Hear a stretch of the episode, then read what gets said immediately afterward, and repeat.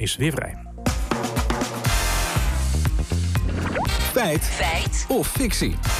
Over belastingconstructies en belastingparadijzen. En waarom eigenlijk vandaag? Ja, nou, de Volkskrant heeft vandaag een groot verhaal over hoe Qatar via Nederlandse brievenbusfirma's minimaal tientallen miljoenen euro's aan dividendbelastingen ontwijkt. Deze miljoenen had het Qatarse staatsfonds eigenlijk moeten betalen aan Spanje, Indonesië en Polen.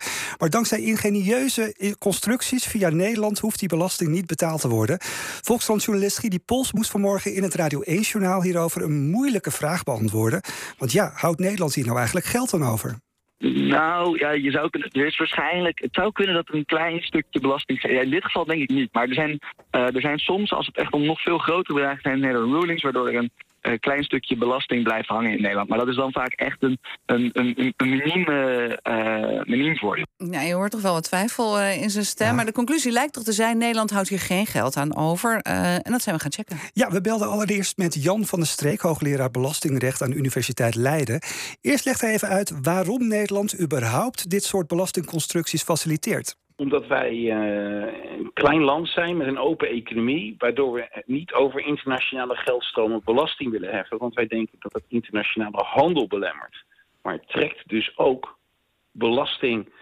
Uh, brievenbussen aan. Ja, het zou dus onder meer goed zijn voor de handel. Nou, en vloeit er nou nog iets van dat geld naar de Nederlandse schatkist? Nou, hoogleraar van de streek is daarover heel duidelijk. Uh, nee, als het gaat om doorstromen van dividenden, heffen we geen belasting over het doorgestroomde geld.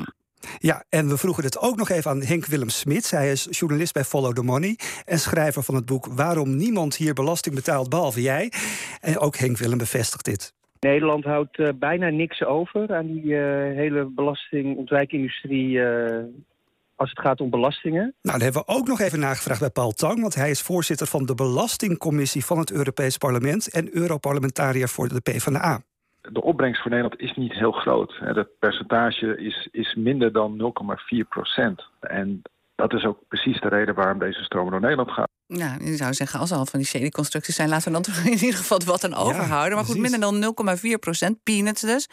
We houden er bijna niks aan over in termen van geld. Maar, maar zijn er dan misschien nog andere voordelen? Nou ja, het zou dus goed zijn voor de handel. Ook hoopt Nederland met dit beleid grote bedrijven te lokken... om bijvoorbeeld hier hun hoofdkantoor neer te zetten... en zo werkgelegenheid te creëren. Maar ja, volgens alle drie de experts zijn deze effecten heel erg klein.